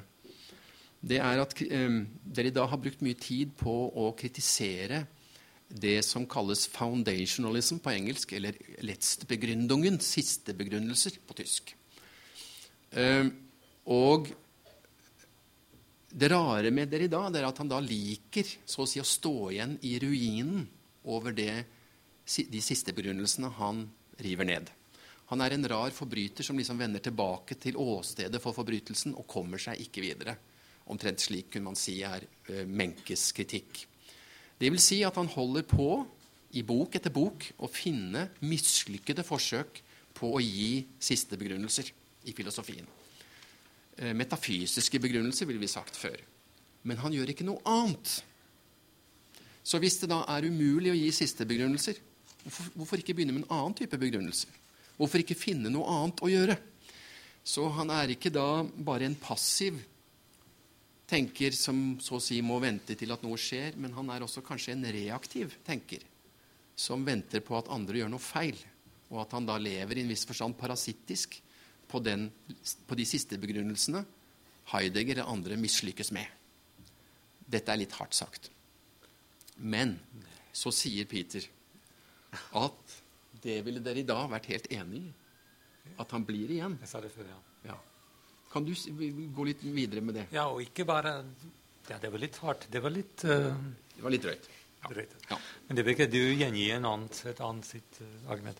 Nei, altså det er, det, det, han, det er, ikke det at han kritiserer det som han mener ikke er riktig. Det, det, det, han, det han gjør, er å vise hvordan det å være riktig bygger på det uriktige. At det er umulig å være riktig uten å ta inn over seg det uriktige. Og det er derfor den absolutt pur grunnlaget er, grunn, grunnlag er, um, er, ikke filosofisk holdbart. Det er det. Altså det ja, Han ikke, sitter, står ikke i ruinene ruin heller. Jeg vil heller si at han han er ikke mot sin egen kultur. Han gleder seg. Han har glede av å bore ned til bunns i argumenter og, og, i institusjoner og tekster for å vise det useriøse ved all dette her selvhøytidelig vitenskapelig seriøsitet. Det er det som er egentlig frigjørende, vil jeg heller si. At dette, dette er ikke noe sånn apokalyptiske syn som din han uh, Velmer uh, gjengir. Mm. Det er heller gledelig og viser nesten buddhistisk, at det er, det er svaret på det all dette her vitenskapelig, rasjonalistisk seriøsitet er å, å le. Men, men, det er jo også ting han, han mener er ude, udekonstruerbare, og som man ikke skal røre ved. F.eks rettferdighet, rettferdighetens idé, som man er opptatt av i, i, i, i Forstulå. Eh, så, sånn at uh, det du henviser til, må vel være skrevet før den, uh, de senere periodene i, i Derridas forfatterskap. Mm. Og, og uh, hans diskusjon av, av demokratiet ja, hva, hva, heter nå den boka der han diskuterer dette da? Voyou, hva er det? Rogues, er det det den heter på engelsk? Eh, skurker. Eh, da er han jo opptatt av eh, ideen om demokratiet som noe som er uttømmelig og uendelig, slik at det er noe som skal komme. Et eksisterende demokrati kan aldri virkeliggjøre Eh, et demokrati fullt ut, det er noe som, som, som, som alltid kan, eh, kan, og må eh, perfeksjoneres. Videreutvikles. Noe som skal komme. Så, så, så, så dette, denne tanken om noe som skal komme ja, Dette blir jo hans messianisme i en viss forstand. Det, det, er nettopp noe som drar i en helt annen retning enn hans kritikk av, av tradisjonelle begrunnelser, som, som, som du som du eh, viser til, etter, etter min oppfatning. Nå, nå, kan man jo si da at, eh, at det blir noe viss abstrakt med, med, dette. Rettferdigheten, ja, den er ukonstruerbar. Vi kan alltid eh, komme lenger enn til den konkrete foreliggende rettferdighet osv. En marxist vil jo da si, både når det gjelder rettferdighet og, og demokrati, at dette er avhengig av den måten vi produserer Eh, ting på i samfunnet, og eh, avhengig av eh, den økonomi vi har pga. kapitalisme. Så, så, så, det er ikke på det planet eh, dere da befinner seg. Men likevel så er det vanskelig å unngå å ha sympati med denne hva skal vi si, dette forsøket på å videreutvikle, insistere på nødvendigheten av eh, mer omfattende demokrati, eh, mer omfattende rettferdighet, mer omfattende gjestfrihet osv. Så, så, så så eh, hva skal vi si Velmer og Menke burde da kanskje lese de senere verkene av eh, Derrida også. da. Jeg tror denne kritikken er fra 80-tallet. Slutten av 80-tallet. Ja, okay. ja. Nei, men nå har vi holdt på en stund. Um, jeg tenker dere begynner å bli ganske trøtte. Og det kanskje vi kunne åpne for noen spørsmål fra salen. Er det noe eller noen kommentarer.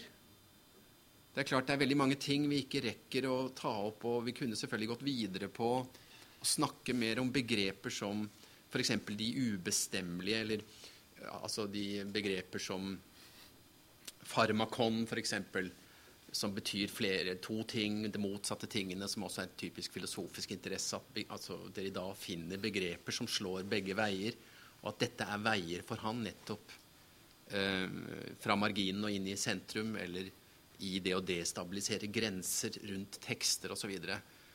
Typiske teknikker som han tidlig gjør seg kjent med, da, kjent for. Men jeg syns egentlig vi har holdt på nå over en time. Og jeg vet ikke hva arrangøren hadde tenkt seg. Er det noen her? Hvor lenge skulle vi holde på? Ja, men vi, vi, Er det noen spørsmål eller kommentarer fra salen? Det var bak der. Som har manus, så det er litt Ja. Ja.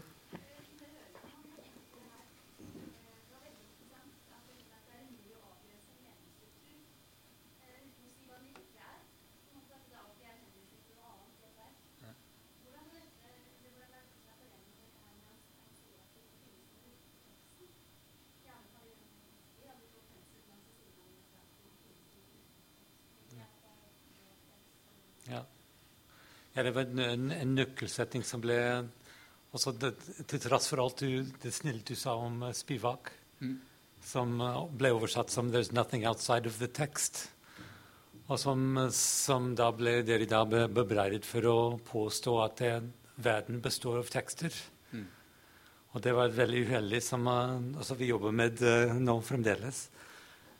Men også den, en bedre tolkning av en Jepadot-tekst hadde vært at um, at tekstbegrepen er aldri avstengt. At for å finne mening i dette vi gjør her, så må vi se på meningen som overføres fra, fra verden utenfor, fra teksten, verden forstått som tekst utenfor, som da utvider helheten av de lesbare tekstuelt material som vi må ha å gjøre med. Så det er ingen altså, Alt er tolkbar. Alt må tolkes, og det er meningsnettverket bare blir utvidet og utvidet. Slik at det er ingenting utenfor teksten. Altså Din oversettelse til norsk var bedre enn det engelske, egentlig. Eh, Men eh, man, man kan godt forstå at man mente at han mente at det var bare tekster. At dette er en tekst, og livet av en tekst. Og det er selvfølgelig tull. Det var en her nede. Der, ja.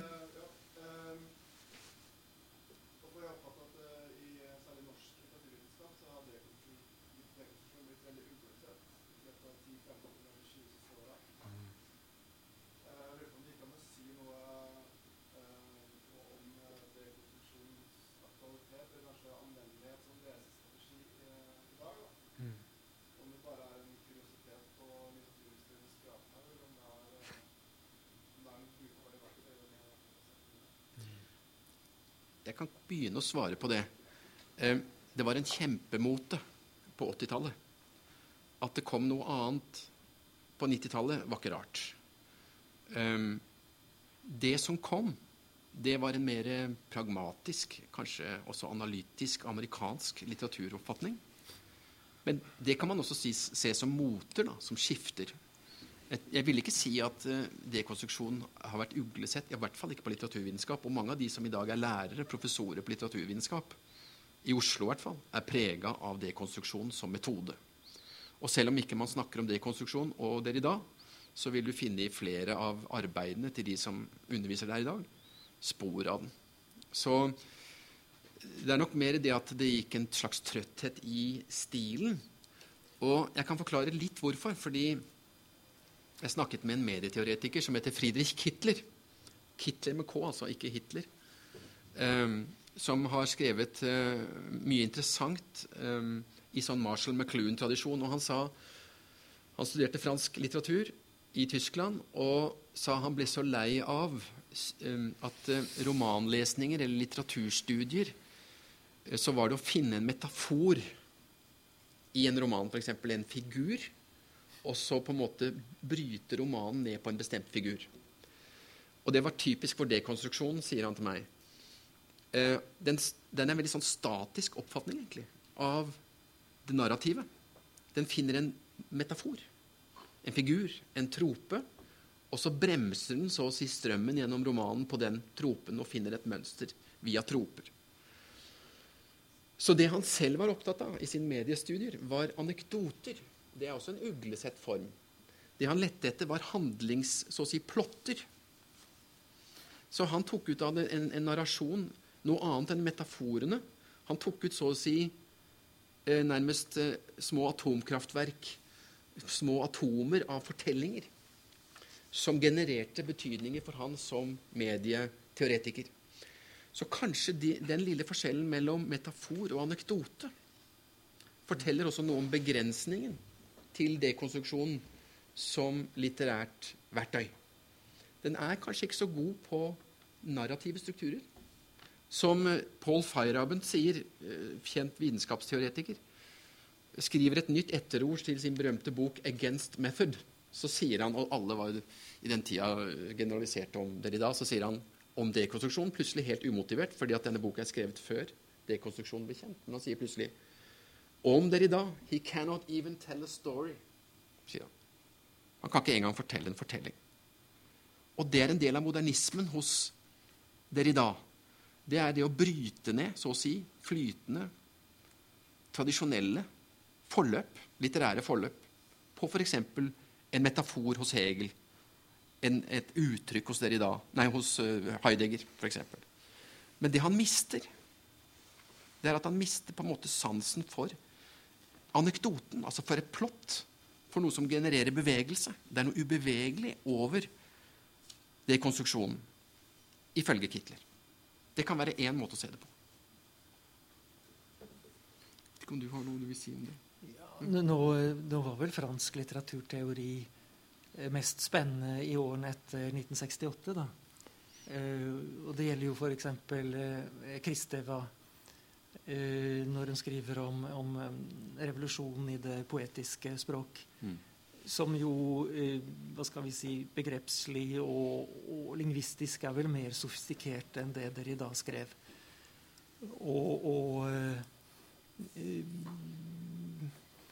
det Tel-Kell-gruppa var opptatt av og jobbet med, var vel det man kunne kalle eh, Hva skal vi si Kodene for eh, det litterære språk, den litterære fremstilling. Og det er jo noe mer enn bare eh, det å fokusere på, på metaforer, f.eks. Og, og altså, Kristeva var opptatt av en prosessuell subjektivitet. Og man kunne si da at eh, nyere eh, feministiske teorier, f.eks. Judith Butler, som er jo eksempel på French theory, er jo opptatt av subjektivering, subjektdannelse. slik at det er jo også et uh, mulig perspektiv på, på litterære tekster. Og, og, og, det har vel skjedd et generelt fall i, i litteraturteori eh, fra, fra, fra 70-80-tallet og utover, hvor man eh, vel i mindre og mindre grad eh, kritiserer den måten litteraturen organiserer sine størrelser på, enten det er eh, subjektet eller man tenker på aktantene til til, til Greimas Eller sånn, så, og, og, og, dette at en biografisk orientering kommer inn, og at man er opptatt av den som skriver, det, det er jo eh, også, etter min mening, et stort tilbakeskritt. Eh, og, og, jeg vet ikke om det, har, om det, har, skjedd her, eller om det skal skje. altså Denne fokuseringen på Eh, naturvitenskap og Darwin når det gjelder litteratur. Altså eh, darwinistisk litteraturteori. Da naturaliserer man eh, litteraturen. Da forsvinner jo alle grep på de litterære koder eh, osv. Så, så, så, så si, hvis det er det som utvikler seg, så har vi en dyster fremtid i møte i litteraturteorien. Det blir verre og verre. Jeg kan også, også jeg, jeg jeg har følelse for din, ditt spørsmål, egentlig. Altså det er på en måte her dekonstruksjon, dekonstruktivistiske fremgangsmåter mistet sine skarpe kanter i litteraturvitenskap. Det, det, det, er fordi vi må oppsøke Dekonstruksjon har bare mening ved grensen. Så vi må spørre først hvor er grensene. Så det er gode nyheter egentlig på det mikronivået at uh, det er ikke lenger oppsiktsvekkende at hvis metaforanalyse ikke er noe problematisk eller kontroversiell. Men finn en annen grense. uh, fortell din veileder at du skal skrive ph.d. om uh, ved en nærlesning av telefonkatalogen og se hva som skjer. Eller en uh, bruksanvisning til en kjøkkenmaskin. Som en, på, en, måte en meningsgenererende dokument som like godt kunne lese, leses som en dikt av, av, av en, en poet. Eller ved politikken er det lettere. Også det med seksualiteten er så viktig og interessant fordi da det skaper nye grenser. Og så var det dere hørte på radioen i dag morges kanskje at uh, Uganda har lagt ned dødsstraff for homoseksualitet, og samtidig Norge gir 300 millioner i bistand til Uganda. Til det samme sykehus som har produsert rapporten som sier at homoseksualitet har, har en valg. Et valg. Sånn. Så der, altså Grensen mellom seksualitet og politikk må dekonstrueres, problematiseres. Eller Butler, som du nevner, Ragnar. Som, som har en superfin bok som heter 'Fragile Life' om uh, eh, 11.9. Da hun forteller hvordan hun viser hvordan vi klarer ikke å sørge over de døde uten å være patriotisk uten å tilskrive det en mening som har med amerikansk storhet å gjøre. At, at en, å snakke om eh, de ofrene som meningsløse er umulig. Altså, den, sånne type ting er fremdeles en stor og viktig funksjon for, for dette. På det mikronivå kanskje det føles som litt ikke så veldig skarpt, men likevel er det mye, mye å gjøre.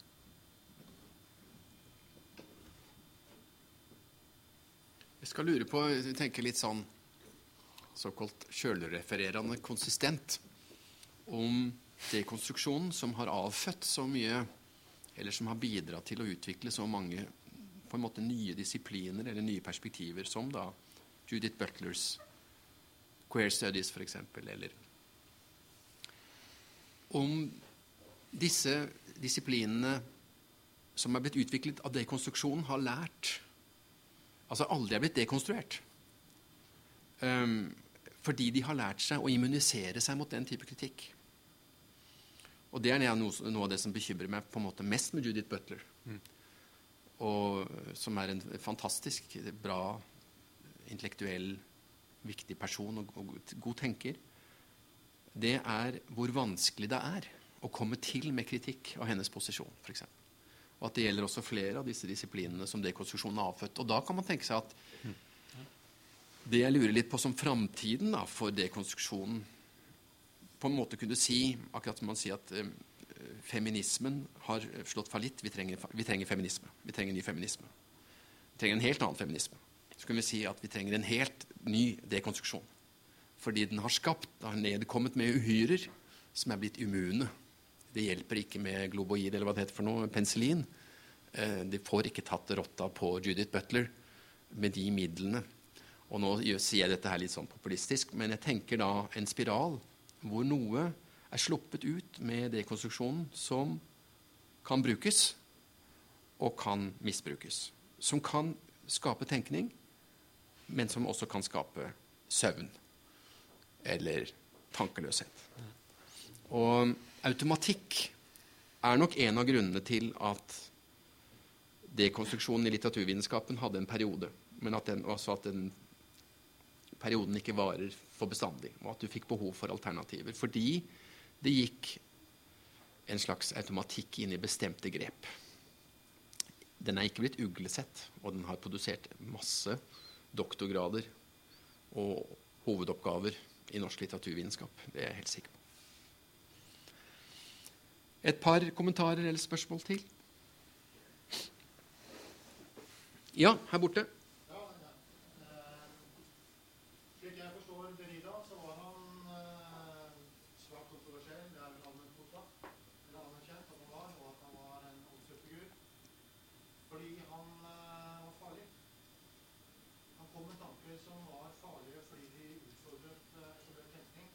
Så når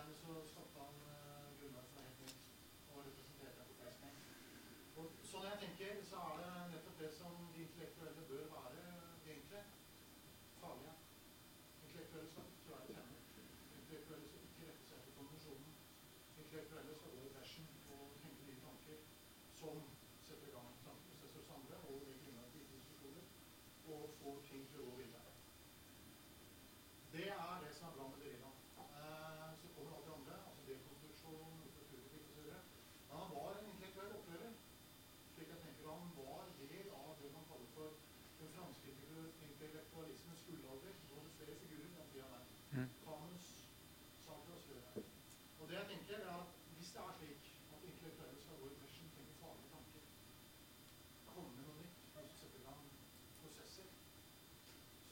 Mitt spørsmål og oppfordring til panelet det er at eh, kan dere nå komme med noe farlig som går til fiske i salen? Om dere vil være her i kveld, så tror jeg han vil like det. Jeg mener at det er ganske farlig å snakke om selvimmuniseringsstrategier på venstresida. Så det, jeg har allerede sagt noe som er litt farlig. Men ingen glass har kommet, og ingen tomater. Men eh, faktisk er det en eh, sosiologisk kritikk av et bestemt Altså en klasseanalyse av det sjiktet som også dere i dag tilhører. Eh, og på en måte vil jeg si ja, han er farlig, han var en opprører. Nei, han var veldig konservativ, og hans tekstorientering kan selvfølgelig, som Ragnar gjør, knyttes til hans arbeid som repetitør for eksamen. Men jeg tror også det hans, hans store omsorg for kanoniske europeiske tekster var også en måte for en fattig gutt fra Algerie å, gjøre karriere i et utrolig hierarkisk Paris på. Så det er også en taktisk eh, manøver eh, som vi må ha stor forståelse for. Han var sefardisk jøde fra Algerie ikke sant? og kom til Paris. Um, og han hadde enorme evner og skri enorm skrivefør person. Jeg syns ikke det er noen grunn til å tenke at han var noen sånn frontfigur i noen rad- radikal greie. Han var bare en kjempeflink, dyktig vitenskapsmann som visste akkurat hva eh, den opplyste middelklassen ville ha. For å si det helt upresist. Han visste hva universitetsmiljøene behøvde, behøvde, eller forlangte. Men han visste også hva som skulle til, selv om da han ikke tok den vanlige doktorgraden, som f.eks. Deleuze gjorde i 67. Så et eller annet sted er jeg litt uenig med deg, fordi jeg tror den radikalismen hos sånne som dere i dag For det første så må den omplasseres. Og for det andre så er det aldri snakk om det. eh, For at han i det hele tatt skal bli aktuell som professor på eh, et institutt. Så hele det bildet av den heroiske intellektuelle er jeg litt lei av, rett og slett. Ja, ja. Okay, ok, det er bra dere er enige, for da har vi grunnlag for diskusjon. Vi bør ikke ta den her nå, vi kan ta den etterpå. Ok. Men eh, jeg husker i hvert fall, bare for å sette det i et bilde Det jeg mener om intellektuelle, er hvorvidt han er frontfigur eller heroisk videre, det kan vi diskutere. Men det jeg, det jeg husker på 80-tallet, så gikk det en serie på NRK som kaltes for Nikkerne. Alle satt og nikket til hverandre og var dødsens enige. Og det ble parodilisert. Der går intellektuelle aldri komme. Jeg, jeg jeg tror at de eh, ja, Intellektuell, hva vil det si? Hvis vi snakker om akademikere. eh, Kanskje det er bedre. Og da forutsetter jeg at det finnes intellektuelle, eller burde finnes intellektuelle utenfor de akademiske streker også. Altså eh, akadem, De akademiske systemene er jo eh, underlagt eh, veldig strenge disiplineringsmekanismer, publish or perish osv. Så, videre. så egentlig å vente seg et opprør fra eh, akademia, eh, det, tror jeg, det tror jeg er eh, Ja, det er et hyggelig ønske, men jeg tror ikke man kan vente seg noe opprør fra akademia. Iallfall ikke i Norge. I USA derimot, hvor folk blir ferdig med studier med en enorm gjeld osv. Og, så videre, og risikerer å gå økonomisk til helvete, det er noe helt annet. Eh, det jeg tror er nødvendig, og det kan høres dumt ut Jeg tror det er nødvendig å avsløre denne middelklassifiseringen av, av eh, praktisk talt hele den europeiske befolkning, unntatt de som begynner å slåss mot EU i Sør-Europa. Jeg tror man må eh, innse at arbeiderklassen fins, men at eh, nyliberalismen har nærmest klart å få folk til å tro at de ikke er arbeiderklasse og ikke er lønnsarbeider osv. Eh, dette høres veldig opprørsk ut, det vet jeg ikke riktig. Men jeg syns nok du var litt nedlatende overfor uh, Derrida, Stian. Han visste hva han gjorde. Han var akkurat person på, på rett plass. Da skulle han uh, vært her og, og irettesatt deg, da. Uh, du er nok litt for komfortabel med din egen middelklasseeksistens, er det ikke det? Hvis vi skal eh, være personlige her. Mm. Så, nei da, men eh, alt i sin tid. I dag til sin tid. Uh, opp, et bra opprør på sine punkter, ja, men nå er det på tide med noe mer. Og noe annet, og kanskje noe utenfor det akademiske disiplineringsapparat. ta dere jobb andre steder enn, ja, enn å studere. Det kan være vel så bra. Det er iallfall ikke noe poeng å studere filosofi i Oslo, for da får man ikke høre om dere da. Mm. Jeg er veldig enig i det med fornektelsen av arbeiderklassen i nyliberalismen. Det tror jeg er veldig, det er et stort mistak, men det ser jeg nettopp da denne fornektelsen av arbeiderklassen i en del av de selvimmuniserte eh, miljøene som på en måte har tatt stor inspirasjon fra dere i dag. Men det er klart det går ikke an å framstille en ung student i Paris som en kyniker som bare gjør de riktige tingene. Men du vil ikke komme noen vei bare med å være konservativ. Det er mitt poeng. Du vil måtte ha et slags, eh, du må ha en, en slags autentisk opprørsk En slags radikalisme i Paris for i det hele tatt å oppleve at 'when the shit hits the fan' Og den type Jeg må jo si at enkelte postmoderne filosofer som Baudrillard og Lyotard opplevde noe av det samme, at de ble popstjerner, sånn som dere i dag også ble i USA. Og det er klart Dette er en vesentlig del av en intellektuell skjebne. Å slå igjennom og kunne hevde seg faktisk selge bøker. Altså Dere da hadde da inntekter av filosofiske spesialstudier. Eh, noe som er ganske godt gjort på det amerikanske markedet, må man kunne si. Mm. Så, eh, så, han var en holden mann. Og har vist, Så han er ikke bare en, en, en fabelaktig forfatter med, klart, en måte, med en klar litterær estetikk. Men han er også en meget god politiker i forhold til det akademiske miljøet. Men han tok sjanser. Det skal han ha. Og det var mange miljøer og som til dags dato da mener at det ikke var noe som helst. Men ennå så må vi kunne si at det har vært mange store æresbevisninger, ikke minst da for, på amerikanske universiteter etter hvert for, for dere i dag. Jeg tror han hadde litt større problemer i England. Uh, Iallfall i Oxford og Cambridge. Så tror jeg det var vanskelig å godkjenne dekonstruksjonen som metode og som filosofisk eh, praksis. Peter, vil du si Ja, jeg er stort sett enig med deg, egentlig, at uh, det hører til det etiske, etiske oppgavene å, å, være farlig. Nå må vi snakke litt mer om hva vi mener med farlig. Så du mente ikke at min uh, ph.d.-avhandling om kjøkkenmaskiner var, var farlig nok, eller? Men ja, uansett, jeg, jeg, er enig med deg. Og det er ingen, ingen, fare for at jeg skal få en jobb på Blindern for å, for å snakke med Ragnar pga. orientering er filosofisk. Så det, jeg har prøvd og prøvd og prøvd, og det, det, det kommer ikke til å skje. Um, og det, det, tar, det, tar jeg som en æresmerk nå etter hvert, men uh, i fattigere dager var det, var det ikke sånn. Bakerst her, borte ved disken. Ja, kom igjen.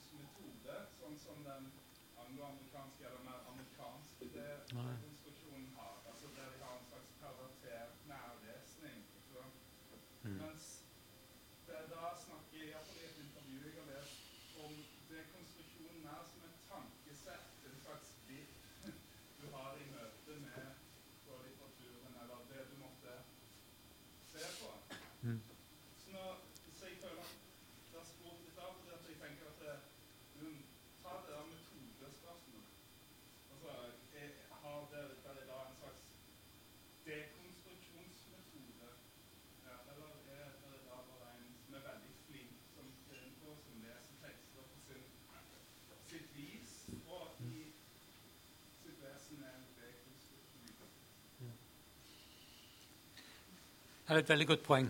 Det er et veldig godt poeng. Altså det, han, øh, han, vokser ut av en tradisjon som Agnes har også, at, uh, av nærlesning, som er veldig, veldig, fransk og veldig viktig. Å kunne studere ord for ord og, og sånn teaser ut betydning av ordene osv. Men uh, på vanlig vis går det ikke så langt i Frankrike, heller ikke i Frankrike, som han går med, med det. På den andre siden, så i USA, ble den, det ordet, den betegnelse dekonstruksjon, tatt opp og sånn publisert. Og det var den store saken, radikalt, som det, som det nå måtte være.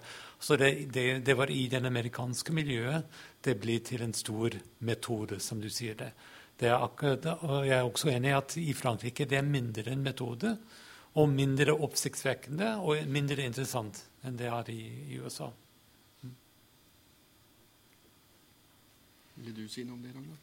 Uh, nei, altså eh, Det å få det til å være en enkel metode, det, nei, det blir for enkelt. Mm. ja. Kom igjen.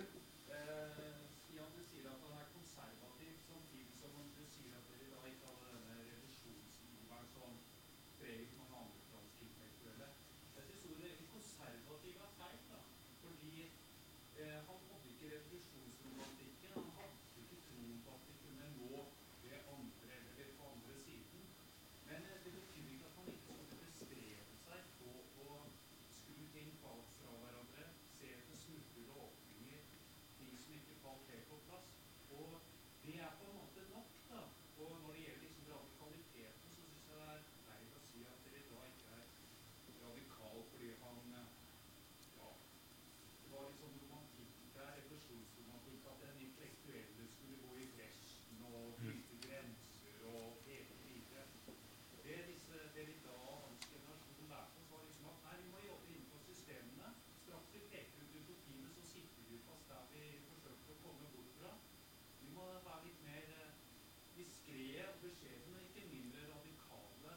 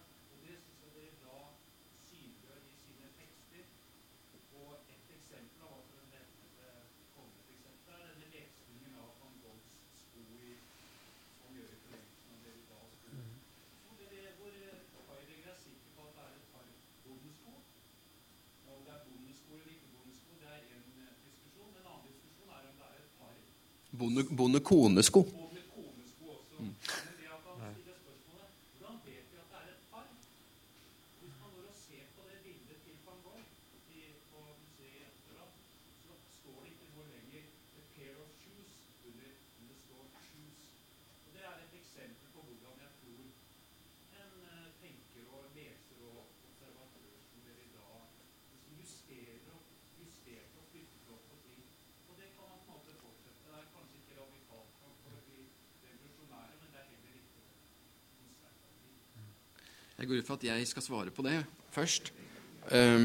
Jeg, skal vi si Jo, eh, det, det, det er utmerket eh, det dere da gjorde, og det er så radikalt det kan få blitt. Um, det som er interessant, det er hvordan man lærer bort selvimmunisering som radikal. Det som nemlig er, gjelder sånne samfunn som også det franske klassesamfunnet, det er at det er en enorm sosial mobilitet. Vi er jo vant til sosial mobilitet. Men det er et samfunn av oppkomlinger. Og det er interessant. Har du sosiologisk belegg for det? I Frankrike så er det jo mye mindre enn her. Men altså, du har en oppkomlingsideologi. Du har en politikk for hvordan du skal komme deg inn, faktisk. Det er en sosial mobilitet som er mye mer nå enn som var for 200 år siden, f.eks. Så det, um, det betyr jo ikke at det ikke er hinder i veien, men det betyr at det som er interessant å studere, er ikke hva intellektuelle gjør i forhold til arbeiderklassen, men det er hva intellektuelle finner på å gjøre i forhold til overklassen. Um, og i de maktstrukturene som gir, som, som fins. Det syns jeg er mye mer interessant å studere. Um, det vil si, sagt på en litt sånn, litt sånn hard måte, da, sånn Marx har alt. Man mangler én ting, og det er selvteft. Altså hvor er Marx' klassebevissthet? Um, og det gjelder altså, Det er en sånn feil med blant intellektuelle. det er altså De, har, de inntrer i en sånn slags transcendental subjektivitet hvor de er luktfrie. Og de har ikke noen etnisk eller noen sosial eller noen liksom, tilhørighet. De bare flyter omkring. Um, det, mangler, det, mangler, rett og slett en, en god sosiologi på intelligensiaen. Og selv da i klassesamfunn som det franske så alt dette her er snakk om revolusjon og brostein og opprør og sånn, det er jo helt sekundært i forhold til hva det egentlig er snakk om. Her kommer det en fattiggutt fra Algerie og gjør en fantastisk karriere og blir en betydelig filosof. Um, hva må han gjøre? Det er interessant. Og da sier jeg at det han jo, gjorde, det kan ikke sies som en sånn, mønster. Men alt det snakk om radikalisme og sånn, det må plasseres i den jobben som han klarte å gjennomføre. Nemlig å bli en av Frankrikes mest fremtredende filosofer når du kommer fra utlandet, fra Algerie. Fransktalende, riktignok. Um, jeg syns ikke det er så vanskelig. Det som derimot blender alltid når det gjelder fransk intelligensia, det er alt det de sier om utopier og, uh, og forandring og forbedring og sånn. Det er jævlig blår i øynene på det det egentlig dreier seg om, sånn som jeg ser det stort sett. Så jeg vil gjerne ha, jeg vil gjerne ha det Sikter du til da mer bestemt? Dette blir så veldig generelt. Ja, vi snakker litt generelt. Hvem, hvem er det Ja. du sikter til av disse forferdelige franske intellektuellene som er så revolusjonære og opptatt av brostein og sånn? Ja, skal vi begynne å telle de opp? Nei, men Du kan jo nevne noen navn. Ja, Sartre, da, for eksempel.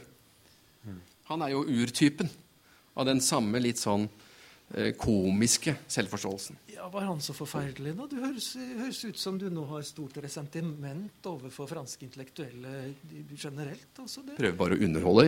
Ja, ja, Jeg kunne- nei, men altså... Kunne jeg kommentere det?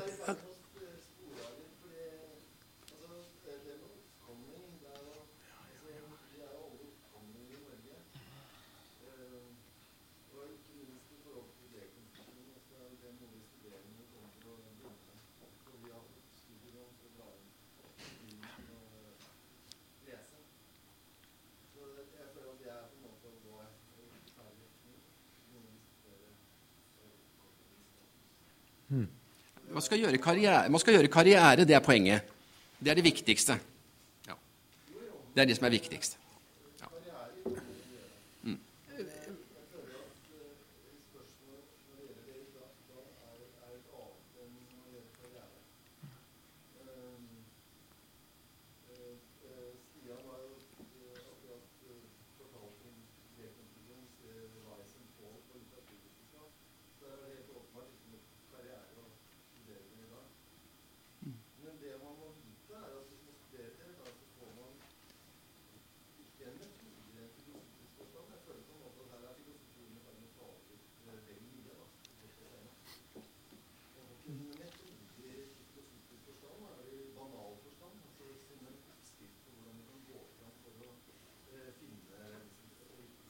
Sannheten, ja.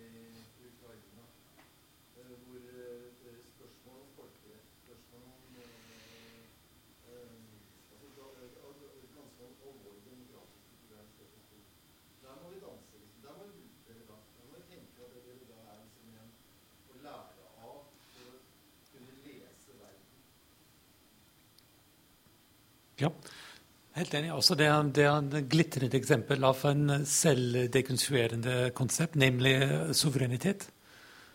Altså det er For å kunne erklære avhengighet, sånn som uh, Krimea kommer til å gjøre nå, eller har gjort ja, i dag, så må man på en måte ikke akseptere det systemet man er inne i, den, den konseptuelle og rettsmessige systemet man er inne i, og, og, gå utenfor den uten å ta stilling til den.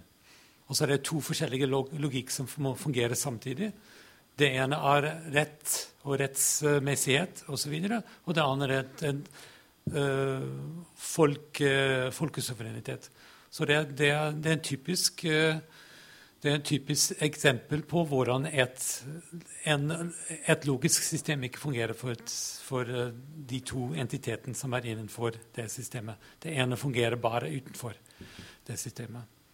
Men en annen ting jeg, kunne, jeg vil egentlig kommentere det med eh, det første, din første kommentar om eh, det konservative og det radikale. Fordi uten å, være opptres, uten å ville opptre som hva skal jeg si, frekk, jeg tror at dere i dag egentlig problematiserer denne motsetningen også. Han er verken konservativ eller radikal, fordi han ville påstå at systemer av den type du nevner, du beskrev, er um, dekonstruerer seg selv. Altså, det er fra, altså logikken for en utvendig referanse, utvendig avhengighet osv. ligger i selve systemet. Og der er han enig med Marx, som var heller ikke konservativ eller radikalt. Han mente at det var en automatikk i kapitalismen. At det var ingenting vi måtte egentlig gjøre. Vi kunne fremskynde det. Men at systemet var selvdekonstruerende. At en indre logikk ville bare føre til at noe, noe, noe, måtte åpne seg. Og det er samme type, det er sikkert en inspirasjon til dere i dag, akkurat den, den type um, logikk. Det med dansemåte syns jeg er veldig fint av deg. Jeg vet ikke om det jeg som sa det, var du som sa det. Men det er, det er en fin måte å beskrive uh, dekonstruksjonen på. Det, det, er en veldig kompleks danseform, og den svinger av og til helt fantastisk. Det som interesserer meg litt, er det statiske i denne danseformen. Um, og det ser du først etter en stund. Først så flyter alt. Men samtidig er dere i dag, selv om det ikke er en metode, så er han det jeg ville kalle en one trick pony. Han er en one trick pony, altså. Så når du har lest noen tekster, så, så, så, så akkurat som du ser sånn Nå kommer han igjen. Her kommer han. Der kommer dansen. Og istedenfor å bli svimmel, så det blir du først, så begynner du å se hvor han skal. Og dit han skal, det er til noe litt uklart og litt uvisst og litt som er for komplekst å ta stilling til. og sånn. Det er det jeg mener med konservatisme i hans tilfelle. Det ubestemmelige. Begge deler. Det er flere filosofer som sånn, har sånn grådighet på standpunkter, som han, Adorno f.eks., som er dialektiker, som vil ha begge deler. Han kan ikke liksom helt slippe det ene, men ha begge deler. Og de har også flere ting til felles. Det er at hver eneste setning i Adornos filosofi er like nær sentrum av det han vil si. Så Derfor så skriver han samme setningen hele tida. Og han er en stor stilist. Om igjen og om igjen. Og så ser du en sånn typisk adornittisk setning. Den er perfekt. Nei, så må han skrive videre. Hos dere da er det, litt annen, det er en litt annen fremstillingsform. Det er mye mer løs, svingende form. Men det er et slags uavgjort resultat. Han vil egentlig ikke noe sted. Ja, du har jo sagt at han vil komme seg fram i det parisiske intelligensia-miljøet. da. Ja. Så eh, du må passe deg nå. Hvis du mener at teksten er mannen, så er det greit. det. Stilen er mannen. Han vil ha en uavgjort på en måte filosofisk konklusjon. Det er hans konservatisme.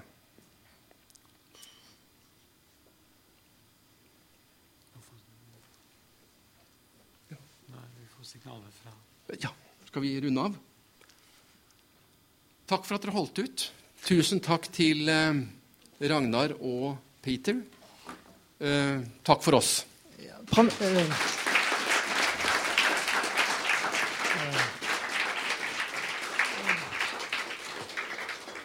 Panelet har nå dekonstruert seg selv.